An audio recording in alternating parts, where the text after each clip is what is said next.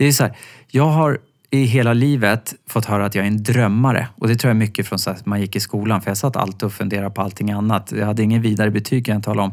Ja, jag tycker om att vara en drömmare och det bästa av allt är att jag lever mina drömmar. Hej! Idag träffar du kocken Mattias Larsson, mer känd som Fredagskocken. Han börjar sin kockbana på Berns salonger i Stockholm.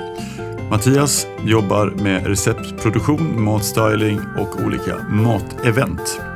Känd under namnet Fredagskocken blev han när han gästade Adam Alsing och Gry Forssell i Mix Megapol under hela fem år. Vi pratar matglädje, bra krogar och får grilltips. Välkommen till podd nummer nio. Tack så mycket. Dagsformen, hur mår du, hur mår du idag? Jag mår strålande. Jag, jag mår ju för det mesta väldigt, väldigt bra. Peppa, peppa, ta i trä, eh, säger jag och tar mig i huvudet. Jag, jag gillar livet, eller jag älskar livet ska jag säga. Så att, eh, det är ännu en sån här fin dag, tycker jag. Vad vill du att vi ska prata om? Vi kan prata om vad som helst. Jag älskar att prata om mat överhuvudtaget och det här livets njutning överhuvudtaget. När i din ålder visste du att du skulle jobba med mat?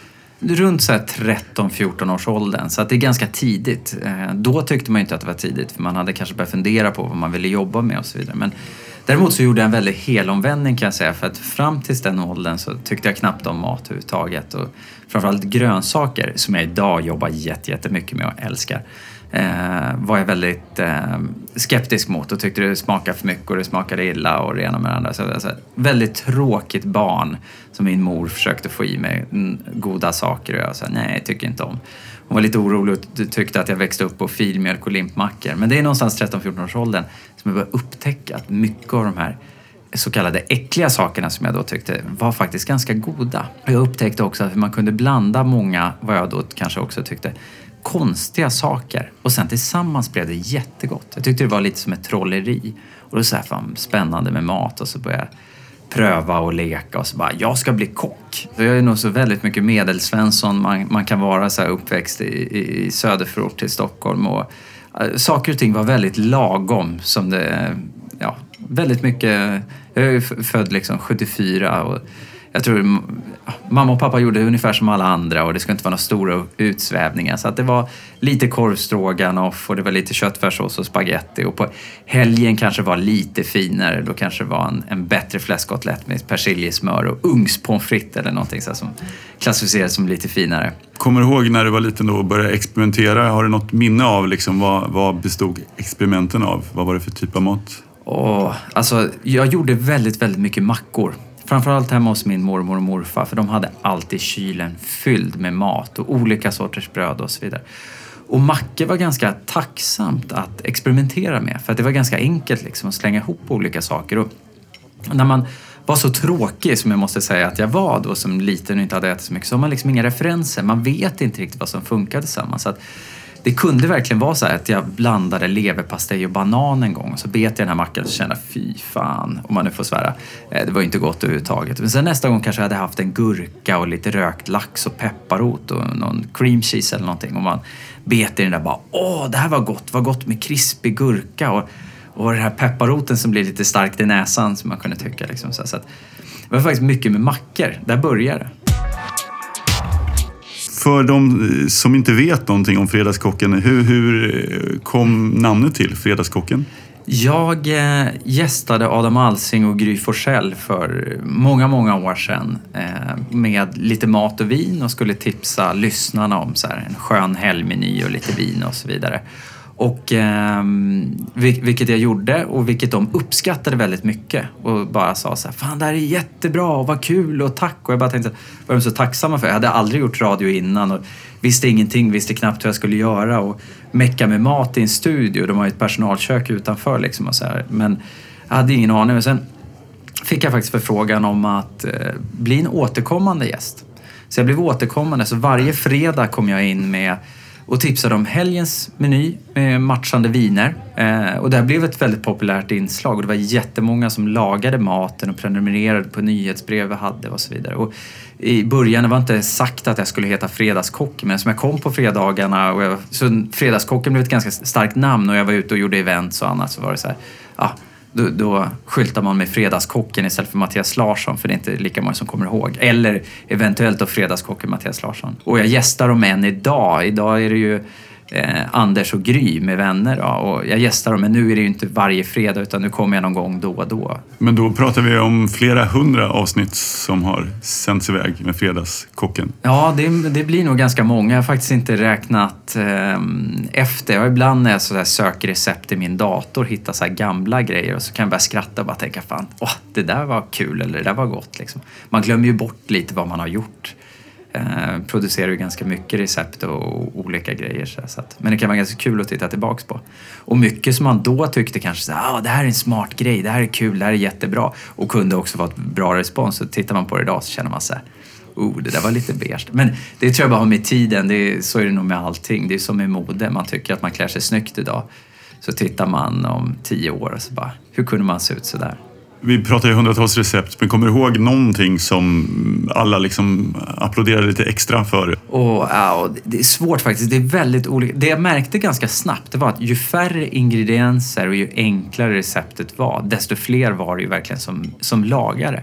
Och, och det man skulle bli duktig på, eller liksom det som jag har tränat väldigt mycket på, det är liksom göra jätteenkla recept, eller jätteenkelt, allt från jätteenkelt till medelsvårt ska jag säga, men göra enklare grejer men ändå väldigt spännande och bra smaker. Får du en uppfattning att folk eh, uppskattar liksom en stekt kött eller fisk? Eller, alltså vad, vad, vad tycker folk är spännande att, att laga till? Det, det, är nog väldigt varierat och därför har jag också försökt variera mycket. Men det man fick allra störst respons på, det var när vi pratade de mest vanliga grejerna.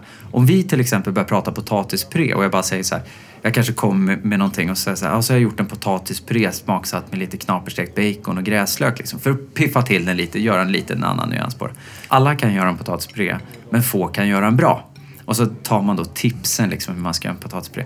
Det engagerade folk jättemycket. För vi, var så här, folk kunde ju smsa in i studion så fick vi upp då på skärmarna alla sms och allt. Så det bara dundrade in. Eller om vi pratar potatisgratäng eller jag pratade om hur man kokar den perfekta färskpotatisen, liksom, hur, hur, man ska göra det. Det gav respons. Ja, så jag tror många vill ha hjälp med de här eh, mer enklare vardagsgrejerna. Typiska frågor som kom in till programmet? Uh, ja, det, det, var allt ifrån folk som ville gå på dejt med mig faktiskt till, till, till potatispurén kanske. Uh, men vintips, det var många. Alltså, jag hade ju med i programpunkten, jag tipsade ju varje gång om liksom det matchande vinet. Och det var också en sån sak faktiskt som jag märkte väldigt mycket. Sådär att, Åh, jag vill veta vad jag ska dricka till. Och det var många också som kunde ringa. Åh, jag har en flaska Chateau Vadå. Vad ska jag laga för mat till den? Det, det, var nog någonting som uppskattades mycket och som många hade frågor om. Det tycker många är svårt och, och känner att det är en jobbig grej och man vill inte välja när man lagar en fin meny. Man vill inte välja fel vin. Eller det är många som tänker så. Jag har en mer avslappnad inställning till det men det är självklart kul när man hittar den perfekta kombinationen. För jag menar, en festmåltid om man nu dricker vin, ja, det är ju då vin och mat, liksom, det är ju helheten och då kunna hitta den perfekta vinet på samma sätt som jag vill hitta den perfekta såsen till min kött eller fiskbit eller grönsak eller vad jag nu har tillagat. Det är ju det är att få ihop helheten så. Vi pratar ju oftast om krogar här. Eh, när man väljer vin på krogen, har du något, finns det någonting man ska tänka på? Ska man lita enbart på de tips man kan få där eller, eller har du något tänk? Jag tycker lite, om man inte kan så mycket eller är medveten om vad man själv eh, vill ha för någonting, då, då ska man prata med, idag finns det ju faktiskt sommelierer på väldigt, väldigt många krogar, men prata med sommelieren eller den som är vinansvarig i alla fall och be om råd, lyssna mycket på dem. Alltså, jag går väldigt mycket på deras tips. Går jag in och käkar en finare meny någonstans och säger ni får gärna rekommendera vinerna Eh, för att de vet ju oftast verkligen hur maten smakar så att de ska ju vara de som kan plocka den bästa kombinationen. Även om jag läser vad maten innehåller så vet ju de det där ännu mera. Så jag tycker prata med dem och också så här, att inte vara rädd för att säga vad man själv tycker om.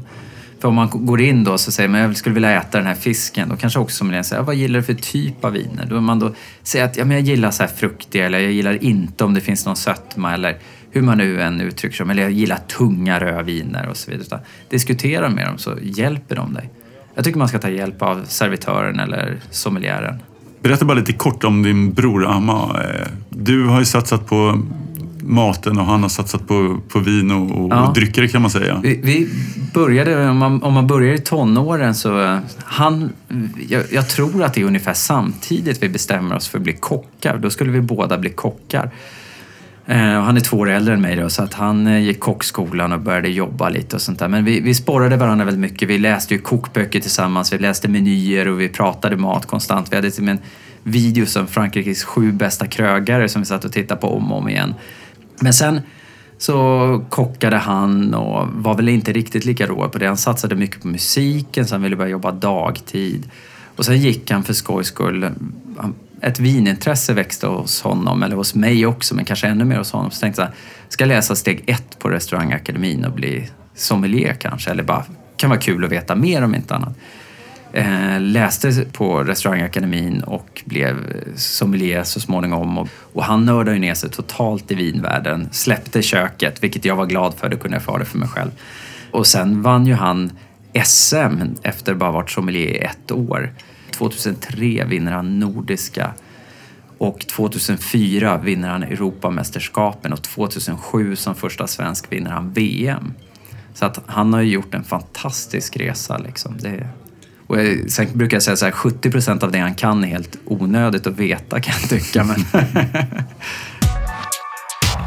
en vanlig vecka ser väldigt olika ut. Jag, jag, jag går alltid upp tidigt, eller åtminstone måndag till fredag och sen är det olika hur, hur länge jag jobbar. Men jag har ju alltså massa med spännande och roliga uppdrag olika. Allt ifrån att jag gör gästspel till att det är en föreläsning. Jag lagar upp mycket mat för fotograferingar, så här, producerar mycket recept och det är både reklam och för tidningar och böcker och så vidare. När jag går ut gymnasiet så börjar jag på Berns. Eh, väldigt tacksam för det jobbet faktiskt. För att det var också, när man kommer ut från gymnasiet ofta så är man, alltså, då kanske man själv tycker att man kan någonting men egentligen kan man inte speciellt mycket. Och få börja på en restaurang som Berns var då, där får vi tänka där är 1992, det var en klassisk bistro och festvåning och konferens och så. Det var väldigt bra för det är en stabil och bra skola liksom.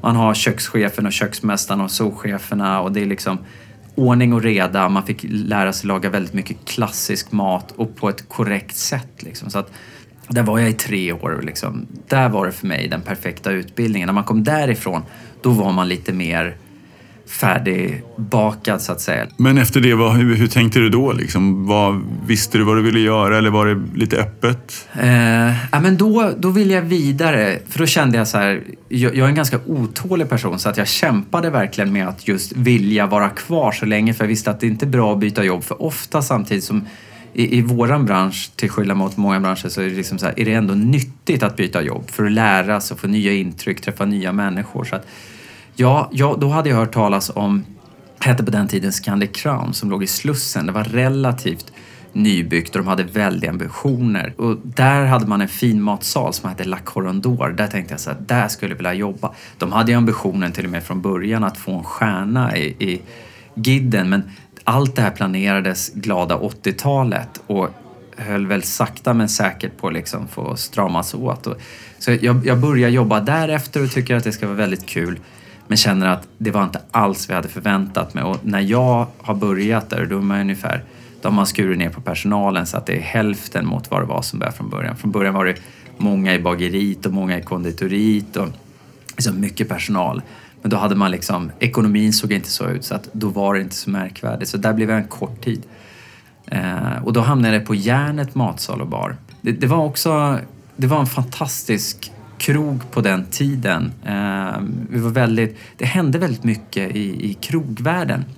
Matlagningen i Sverige, då är vi alltså 95, 96 någonstans måste vi landa på där. Men då var det så här, man inspirerades av Marco Pierre White och Charlie Trotter och liksom det var så här stora stjärnor som kom liksom från England och USA som inspirerade mycket och matlagning blev lite mer kreativt. Och, Eh, jag vet Melker Andersson, de som startade F12 och byggde på höjden och så vidare. Och jag vet, på Järnet var vi ett otroligt ambitiöst gäng som bara brann för och bara testade mycket och lekte, diskuterade smaker och lagade vad jag tyckte var väldigt bra mat. Och då var vi också eh, lite omskrivna och väldigt populära liksom. Och det gick väldigt bra. Det var, det var riktigt, riktigt roligt. Vad var Fredsgatan 12 som öppnade där 94, var, det- var det en blev det en snackis eller blev det poppis snabbt eller tog det lite tid för dem också? Eller hur, hur upplevde du tiden då? Jag upplevde det som att det bara sa pang. Och så var det så här, det var något helt annat. Det var ju så häftigt liksom. Det var ju bara så...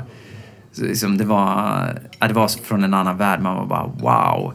Och jag, jag tror att det var Henrik Norström, Mattias Dahlgren och eh, Melker Andersson tror jag från början. Så de blev ju tre väldigt starka figurer på restaurangscenen liksom. Sen så småningom har ju de delat upp sig i, i tre olika led men äh, det, det, var riktigt häftigt och det var ett eh, som, dit gick jag och käkade liksom och man, man sparade pengar för att ha råd att gå dit liksom och man tyckte att det var så jäkla häftigt. Det var liksom över allting annat. Och det, det var ny, jag tror att det var lite en, en kan man säga, en ny, ny, tid som hände där liksom, där matlagningen förändras från ganska mycket så traditionellt det här mer om man säger traditionella franska köket som kom från så blev det liksom annat och man vågade dra ut och blanda smakerna mera och tänka och lägga upp maten på ett annat sätt. Liksom. Det var kul.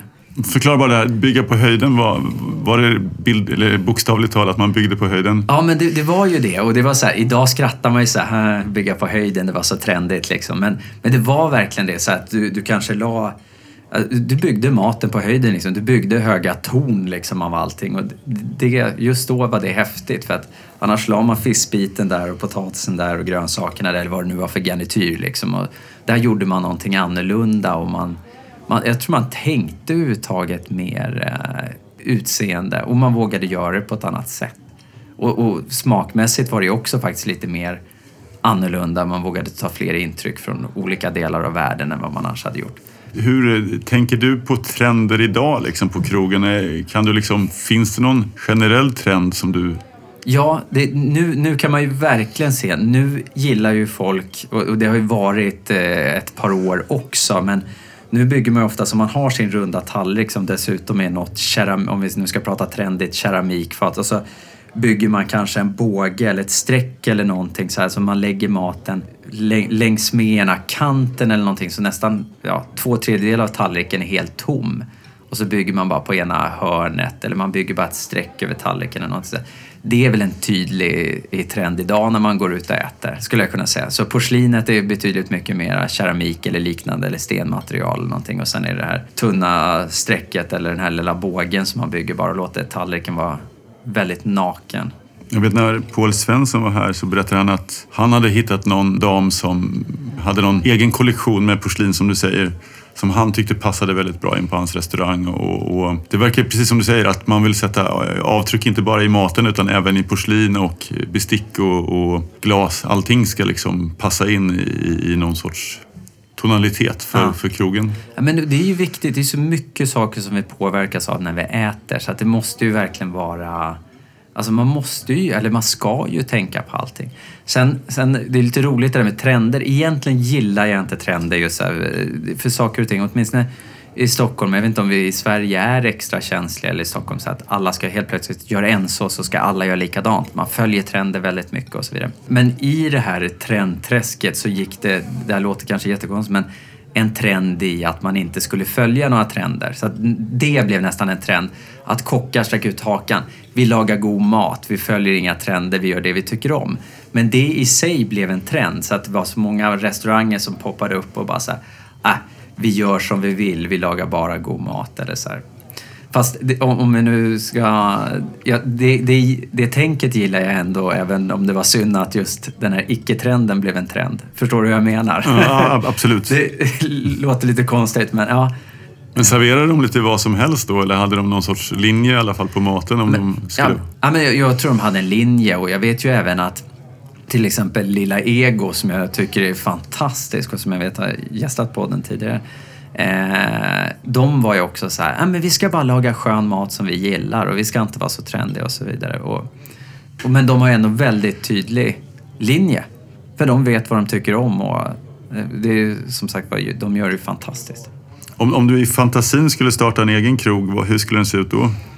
En krog som jag varit sugen på att starta, som jag inte har sett i Stockholm ännu, är faktiskt en vegetarisk fine dining. En riktigt skön, snygg, lyxig, härlig krog med riktigt, riktigt bra mat. Eh, tittar man på mycket vegetariska restauranger så är det liksom så här, det ska vara lite billigare, det ska kännas lite enklare och många gånger eh, ja, men, ja, på något sätt. Och det får inte kosta så mycket att gå och äta där. Av, och jag vet inte av vilken anledning. Eh, jag var nere i LA. Jag var där nere mycket för att äta raw food och mycket vegetariskt och veganmat och så vidare. Jag kom in på ett ställe bara så här skön krog, snygg inredning, snygg personal, snyggt klädda, härlig cocktailbar där de gjorde de snyggaste cocktailen. Skön meny, jättebra vinlista. Eh, bara eh, ekologiskt odlade viner liksom och eh, all, allting var så här, och det var helt vegetariskt allting. Och jag tänkte så här, här skulle jag kunna bjuda så mycket vänner. Om jag tittar på vänner utanför restaurangbranschen och säger så här, åh jag ska bjuda på vegetarisk mat. Så ska de säga, åh inte vegetariskt eller så här. Men dit hade jag kunnat bjuda dem, inte sagt någonting och ingen skulle lagt märke till att det var vegetariskt. För att det är så jäkla fina och bra smaker, man har jobbat mycket med texturerna och det känns som vilken härlig, skön lyxkrog som helst. Det saknar jag verkligen i Stockholm och är väldigt, väldigt sugen på att göra för att det, ja, det vore jättekul alltså. Tystnad, eh, tagning! Varsågod. Varje månad behövs tusentals statister. Statist.se har uppdrag till dig som vill vara statist, skådespelare, modell eller tv-publik. Hitta ett roligare jobb redan idag på statist.se. Tack så mycket. Där satt den. Har du något, eh, alltså om du ser på dig själv, har du några tips i krog-Stockholm sådär när du det behöver inte vara nödvändigtvis någonting som fokuserar på grönt, men, men är det några restauranger som du tycker om mer än andra och varför? Oh, det, det, säger, det är så fantastiskt med krog Stockholm idag för det finns så otroligt mycket bra krogar. Eh, och det, bara, det händer så mycket så att ja, man har inte ens koll på hälften tyvärr. Eh, och tyvärr är, tar jag mig alldeles för lite tid att gå ut och käka. Men det finns många bra ställen och det, det hänger mycket på tillfället. Alltså sällskapet, vilket humör man är i. Jag är så här, har jag jobbat väldigt, väldigt mycket, då vill jag äta enklare mat där det är färre intryck för att man, inte, man orkar inte ta emot så mycket intryck. Man är nästan lite trött och man går ut för att käka en skön bit mat och ha det lite roligt och liksom så här, då kan jag jag kan ju älska liksom Sturehof för pulsen och känslan och allting så här. Maten är schysst liksom men det är, det är ingenting, det är sällan liksom det händer jättemycket eller man tycker det är det bästa eller liksom så här. Men det är schysst käk, det är skön stämning och vilket kan göra det till en fantastisk restaurangupplevelse. Och rent smakmässigt, Lilla Ego som jag nämnde är ju så här för mig liksom, det är så här, de smakerna, det, det tycker jag är magiskt. Men då kan jag, inte, jag kan inte gå dit när jag är stressad och för trött. Liksom. Då får jag inte ut tillräckligt mycket. Där vill jag vara lite mer utvilad och, och vara laddad för. Eh, bar eh, på Blässeholmskajen eh, är också ett ställe som jag kan älska gå till. Som är lagom avslappnat, skönt käk, sköna råvaror, goda smaker. Eh, dit går jag också om jag är så här, inte riktigt laddad för ett stort restaurangbesök. Laddar jag för ett stort restaurangbesök så är det Mattias Dahlgren, matbordet eller matbaren eller eh, för den delen matsalen. Det är också fantastiskt. Det finns så mycket ställen i Stockholm så att det är inte klokt. ser du, alltså om man bortser från maten, ser du liksom trender på, om man tänker sig nu Brillo som öppnade som är någon liten crossover där det finns, ja, där du kan sitta i ett hörn och ta en fika, du kan gå till restaurangen, du, du har ett bageri. Jag tror att det blir fler och fler liksom food courts slash saluhallar eller hur man vill göra det. Det har ju också öppnat ner på eh, Urban Deli har öppnat nere på Sveavägen och har ju också öppnat lite så här liksom att det ska vara lite olika. Det, det tror jag kommer se mer av. För att jag tror att det, det, det är skönt, för mig, jag vill ju liksom eh, andas och leva och känna mat när jag går in i en restaurang. Och jag skulle älska att kunna gå och handla lite och gå, gå och äta lite samtidigt och så vidare. Och det kan man ju faktiskt se en del butiker som har faktiskt öppnat upp. Jag vet ju till exempel ICA Liljeholmen som har öppnat en liten restaurang, även om den är väldigt liten. De har väl tio platser tror jag, men ändå så med en skön vinlista. Så du kan gå och handla, du har ett fantastiskt sortiment och utbud. Och så här. Sen kan du slå dig ner och liksom få ett bättre vin på glas där och kanske dra in någon liten varmrätt eller liksom, det kan vara en kokt torsk med skirat smör och ägg eller någonting så, så att, eh, Jag tror att mat eh, saluhallar och restauranger, butiker, liksom så här, det närmar sig varandra på något vis lite. Det, det tror jag att vi kan få se betydligt mer av i framtiden. Spanar du lite på trender? Jag tänker på det här med fin pizza har vi pratat om nu och det är, fin kebab kanske aldrig vet jag inte om det har slått sådär jättemycket men, men pizzan, pizzan i alla fall, där, att den görs lite annorlunda än tidigare. Ja. Eh, men det är klart, alltså, man, jag läser ju tidningar och man är ute och runt i, i kring och man pratar med kollegor så att det är klart man märker trender och man tittar på det. Men det är en gång så här, man, man, man ska följa sitt hjärta och så gör man det man själv tycker om. Men där är det också så, för jag menar, först var det ju hamburgaren som alla nördar ner sig i. så fick hamburgaren helt plötsligt en fin stämpel och man gjorde mycket bättre grejer. Och sen är det väl liksom pizza nästa, eller pizzan är ju nu mycket att det ska vara en schysstare pizza om man är villig att betala för den. Jag vet inte vad som skulle kunna vara nästa grej om det är så här inom, in, inom den fast food-branschen. Det jag kan tänka mig och vad jag skulle tycka var kul det är typ så här eh, mexikanskt. För tittar man på Tex-Mex-käk som det mest är, liksom, om, om vi ser det, okay. det är mycket så här snabbmatskedjor och så vidare. Där hade varit kul att få se lite bättre kvalitet på. Kockar sådär, ja, vi har ju här Melker, Ekstedt, Moberg, Mannerström, Franzén. Ja, det finns ju hur många kockar som helst. Har du några som du liksom ser upp till mer än andra? Eh, Mattias Dahlgren är definitivt någon som jag har sett upp till. Jag har aldrig jobbat för honom. Men jag har varit och käkat många gånger på de krogar som han har haft. Och det är också så här, jag, jag, älskar hans filosofi. Det är oftast ganska rent och enkelt, vilket jag tycker om. Och det är alltid vansinnigt gott. Idag när du går på stjärnkrog, vissa kan ju jobba väldigt, väldigt mycket med tekniken och råvaran och så här, men kan vara ibland flera saker som inte är goda. Men det är också som sagt det är subjektivt man tycker olika. Liksom. Men, eh, hans, hans mat, vad han än gör, det är alltid väldigt, väldigt gott. Och sen har jag faktiskt Karin Fransson som jag också har jobbat hos. Hon är också en stor, stor förebild. Också så här, jag tror väldigt otrendkänslig. Hon har alltid lagat sin mat och följer sitt hjärta liksom. Och det, hon lagar verkligen vad jag tycker topp fem lätt Sveriges godaste mat. Hur står sig Sverige liksom mot andra länder när det gäller matkultur? Idag skulle jag säga väldigt, väldigt bra. Idag har vi ju en, bra matkultur och det växer ju kvalitetstänket och restaurangscenen har blivit väldigt populär och hyllad ute i världen. Alltså det har skett enormt mycket som sagt. Jag har jobbat som kock nu 23 år sedan jag gick ut gymnasiet. Eh, och jag menar, på den tiden, det har ju alltså vilken boom det har varit och liksom Sverige från att vara ett medelmåttaland liksom till att bara ligga på topp bland, eller ja, någonstans uppe i toppen bland alla dessa fantastiska länder som finns och så vidare. Så det har hänt mycket.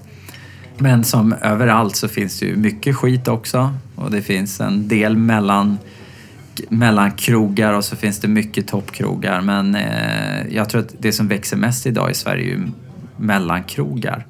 Eh, vilket jag tycker är väldigt kul. Eh, tittar man i Frankrike så brukar jag säga att där finns det en, en stark topp med massa stjärnkrogar men sen har de så mycket så enkla, enkla bistro som inte ser ut någonting för världen men som ändå levererar en ganska så här schysst kvalitet.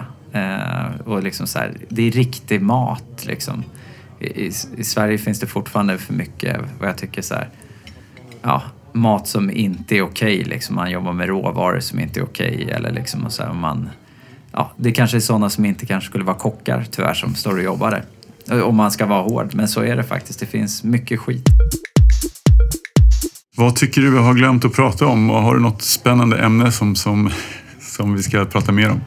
Ska jag säga något ämne så är det väl det här ämnet njutning. Men jag vet inte hur mycket man... Om det är någonting vi måste ta upp, men jag gillar livets goda liksom. Mm. Jag eh, skulle vilja att fler människor kunde njuta av maten på samma sätt och njuta lite mer av livet. Liksom. Bli lite, lite roligare och gladare och härligare. Liksom. Men har du någonting som, som kan hjälpa till när man går på krogen? Då, så man, ska man tänka på något speciellt eller är det viktigt att försätta sig i något avslappnat läge liksom, och vara mottaglig? Jag tror man ska eh, sätta sig i ett avslappnat läge som du sa där. Liksom, att verkligen kunna liksom, gå med, ha en skön inställning när man går på krogen. Att det är kul att få unna sig någonting gott och sitta och njuta av det och bara liksom tänka så lite som möjligt egentligen. Och liksom bara så här, njuta av stunden, sällskapet, sorlet, maten, porslinet, vinet. Allt som händer runt omkring en verkligen. Imorgon ska jag träffa Anna Bauer som driver restaurang Broms. Har du talat om den? Ja, Det är få kvinnor som driver restaurang och det är få kvinnor som kockar. ja. Eh, vad, vad har, är det någonting som du är nyfiken på? Någonting man skulle kunna fråga henne om? Som du, Ja, det är ju också egentligen varför det finns så lite tjejer i köken. För det saknas verkligen. Jag älskar, jag har sagt i varje kök där jag jobbar måste det finnas minst en tjej.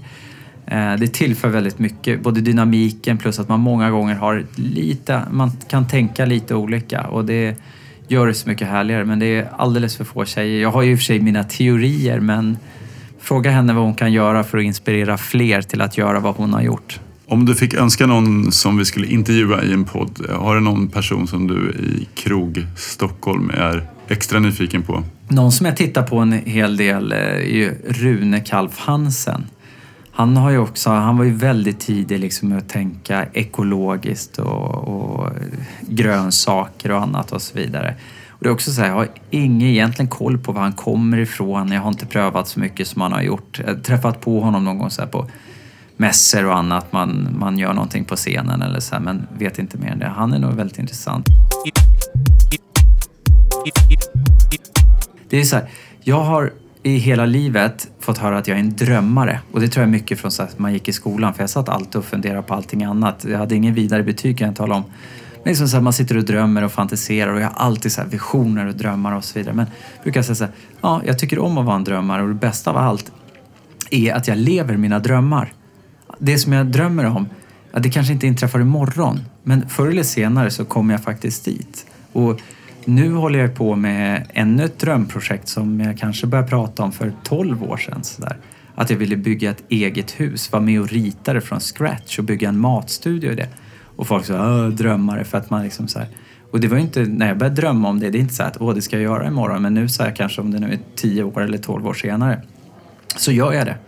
Så jag tycker att fler människor också ska så här, dröm mycket och framförallt dröm inte bara utan lev dina drömmar. Avslutningsvis här nu när någon lyssnar och man blir jättematsugen men känner att man inte riktigt tid att springa ut på krogen.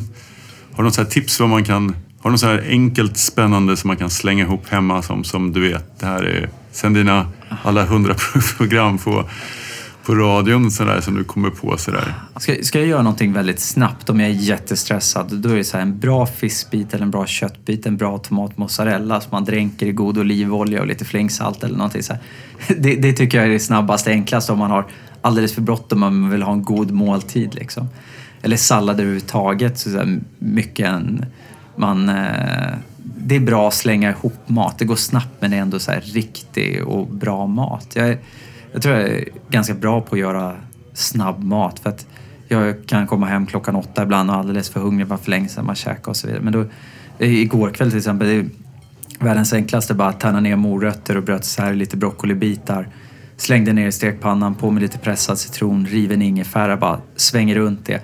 Sen blandar jag upp det med lite bara goda salladsblad och eh, en liten, liten bit stekt torsk till. Liksom så här. Och då käkar jag kanske ja, 80-100 gram torsk på en liten bit. Men så bara matig, härlig sallad. Det är gudomligt gott. Finns det, finns det någon sån här råvara som du tycker är lite så här som gemene man eh, glömmer bort? Som man gärna ska plocka med sig från när man är ute och handlar? Ja, det finns m- många grönsaker som folk inte känner till. En av mina absoluta favoritgrönsaker är, är kålrabbi. Och det är så här, du säger också, man säger så här, köp en kål. Nej, men det finns inte i min affär, säger många. Så här, jo, den finns där och den ligger i de flesta affärer. Men har man inte sett den eller tittat på den någon gång, liksom, så, då ser man den inte i grönsaksdisken. Men om ni går ut eh, och tittar i en affär så hittar ni säkert en kålrabbi. Och det är, så här, det, är så, det är fantastiskt gott. Jag har serverat otaliga middagar med lyxiga råvaror och annat. Men där folk sitter och pratar om den här kålrabbin. Liksom, att det var det största. Men hur gör du med den? Måste den, steker på den och skär den i bitar eller hur, hur tillradar? Den, den, den är god. Man skalar den med vanlig potatisskalare, liksom tar bort det tunna skalet runt om. Sen kan du råriva den, det är ganska gott. Det smakar lite blandning mellan rova och rädisa. Eh, ska man kunna säga. Men sen fantastiskt gott att bara koka i kort, kort, kort med vatten och lite smör med lite, lite salt i. Eh, och sen bara koka den tills den blir genom, genomkokt, brukar jag säga, men med ett litet tuggmotstånd i.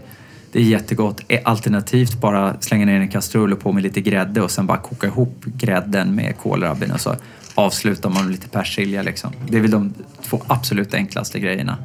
Är det något verktyg man behöver i köket som, som, man, eh, som, som känns smart att investera i tycker du? Digital termometer. För lära sig laga mat på bara känsla, det kan vara ganska svårt. Men med digital termometer kan du då läsa av. Det är en köttbit eller fiskbit så att den, du vet att den blir saftig, du vet precis hur den blir. Man tar reda på vilken temperatur man vill steka sin biff, om man vill ha den 45 grader och så torsken den kanske man vill ha på 45 grader.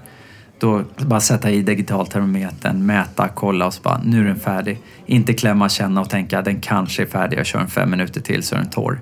Det är inte bra. Så en digitaltermometer är nog det mest värdefulla, det är nog en av de bästa investeringarna man kan göra.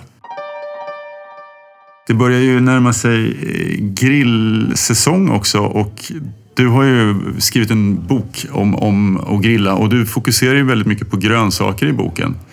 Är Ja. är det, grillar vi för lite grönsaker? Verkligen. Eh, Jag fick förfrågan för, ja det är väl ett år sedan ungefär, om att göra en grillbok. Min första spontana grej var så här, va, ännu en grillbok, räcker det inte snart ute på marknaden? tänkte jag. Men så sa jag så här, ja, men jag vill jättegärna göra en grillbok, säger jag i nästa mening. Men då vill jag ha med mycket grönsaker, för det här är någonting som jag har tjatat om i så här tio år. Grilla goda grönsaker. För att allt ifrån eh, vit sparris till rabarber till eh, tomater går ju jättebra att grilla. Så att, men det är, det är en bok med både kött, fisk, skaldjur, jag grillar lite sköna mackor, jag bakar pizza på min grill. Jag gör en grillad gazpacho, alltså jag sätter gazpachogrönsakerna på grillspett och grillar dem hårt och sen mixar med gazpacho och så vidare. För jag vill ge folk lite nya idéer och nya tankar. På med mycket mera grönsaker. Jag brukar säga allt som går att tillaga på en spishäll eller i en ugn går också att tillaga på grillen. Och det blir så mycket godare.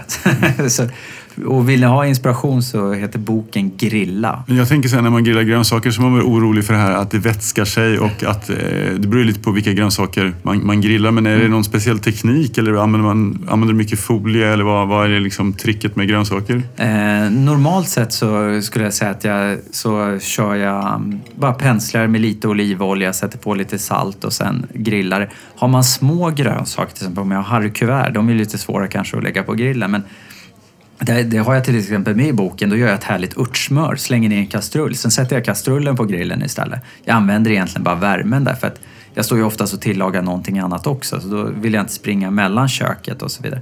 Då går jag ner med harrykuverten i kastrullen med örtsmöret och sen lägger jag på locket på grillen och så får det ligga där inne och gossa. Stora fördelen med grillen också det är att du hela tiden kan smaksätta med rök eller jag använder en del örtkvistar i, i, i briketten eller så här, sätter ner liksom för att få en annan liten nyans på det hela. Så att då kan du få helt plötsligt dina örtiga smörharrykuvert lite rökiga samtidigt. Jag gör en tomat mozzarella sallad. Jag gör jag liksom klassiskt river sönder mozzarellan och skär ner tomaterna, lägger det i ett foliepaket och så på grillen och så kör jag det med mycket rökspån. Så får du så här krämig, härlig mozzarella med goda, varma tomater i olivolja och bara så här, det är så här, det är så, och så lite rökighet på det hela. Det är så här gudomligt gott. Och det är, det är en tio minuters grej att göra liksom. Men då gör jag som så att då, då säger tack till Mattias Larsson, Fredagskocken, för att du kom till Krogguiden. Tack så mycket. Tystnad, eh, tagning! Varsågod. Varje månad behövs tusentals statister. Statist.se har uppdrag till dig som vill vara statist, skådespelare, modell eller tv-publik. Hitta ett roligare jobb redan idag på statist.se. Tack så mycket. Där satt den.